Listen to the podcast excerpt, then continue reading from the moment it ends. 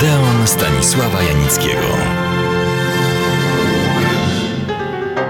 Chciałbym dzisiaj opowiedzieć, przypomnieć, przywołać na ekran i scenę Michała Znicza, jednego z tych przed laty, a też dzisiaj, wielkich, a niezauważanych, niedocenianych.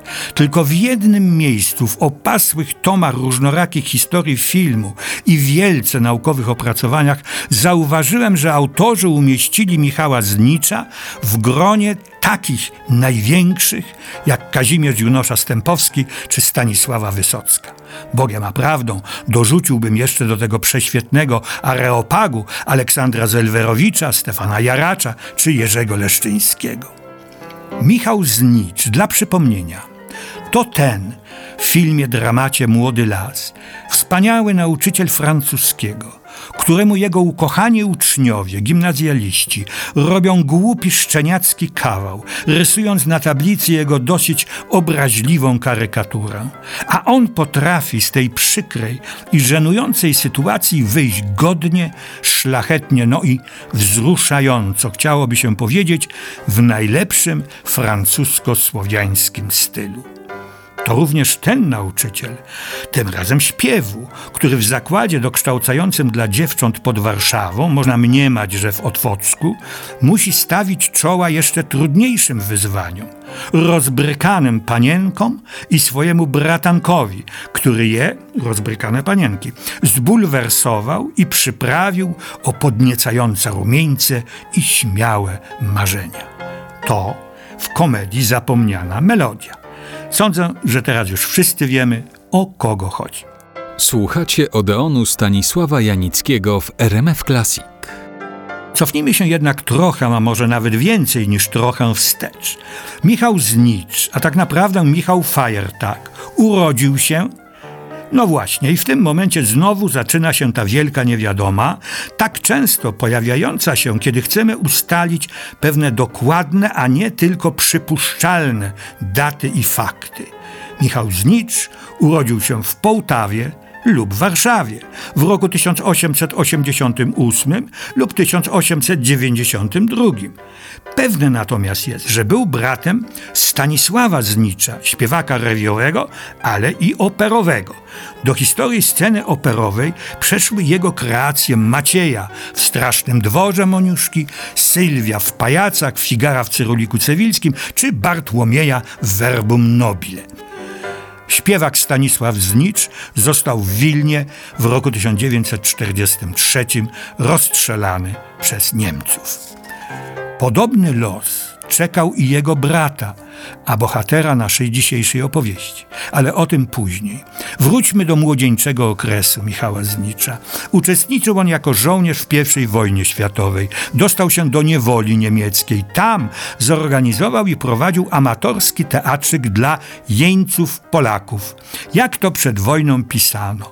Z charakteru aktor komediowy o niesłychanie dyskretnej ekspozycji.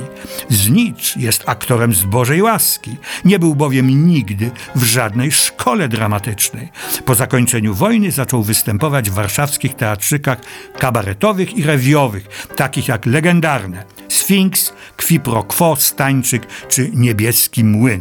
Tu, jak podkreślano, kształtował się jego talent.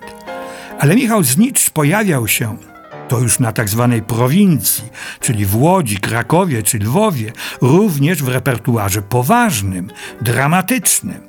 Sztuki, w których występował, biły rekordy powodzenia. Sztuka Ciankali grana była 150 razy, Szwejk 100 razy, Murzyn Warszawski 70 razy, a praca w teatrach na prowincji nie należała do najłatwiejszych.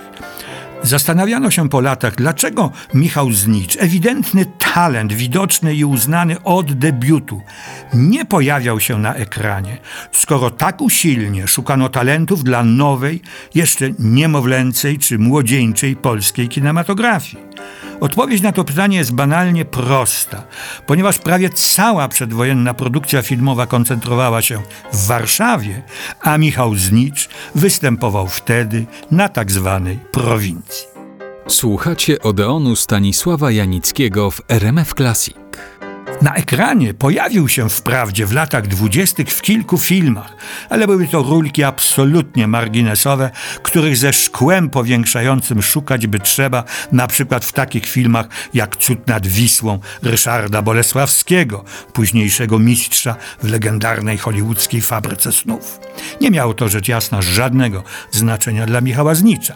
On sam tak ten pierwszy okres filmowy charakteryzował. Nikt mnie nie odkrywał, bo mnie nikt specjalnie do filmu nie szukał. Ot po prostu, będąc dłuższy czas na prowincji, siłą rzeczy nie mogłem kręcić w Warszawie.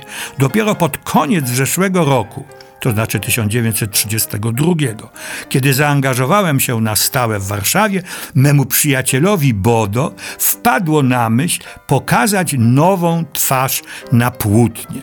Nowa twarz nalepiła sobie wąsy, włożyła binokle i zagrała w pieśniarzu Warszawy. Komedii romantycznej, jakbyśmy dziś powiedzieli. Główny bohater Julek, Eugeniusz Bodo, hula i bawi się beztrosko. Rodzina poleca mu zabrać się do pracy lecz on w odpowiedzi na te stanowcze apele zostaje ulicznym śpiewakiem. Poznaje sprzedawczynię papierosów. No i rozwija się sytuacja niczym w sławnej Carmen, tylko że tam chodziło o cygara. Tak na marginesie oglądałem ostatnio w Sewilli tę legendarną fabrykę, w której pracowała owa kruczowłosa, pełna aż nadmiernego temperamentu Carmen a Michał Znicz gra w pieśniarzu Warszawy stryja owego beztroskiego i zabawowego Julka, co to wyznaje, że jest ni mniej, ni więcej, tylko zimnym draniem.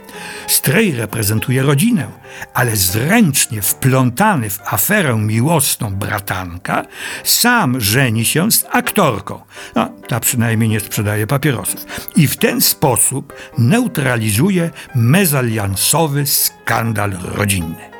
A o dalszych losach Michała Znicza opowiem za tydzień.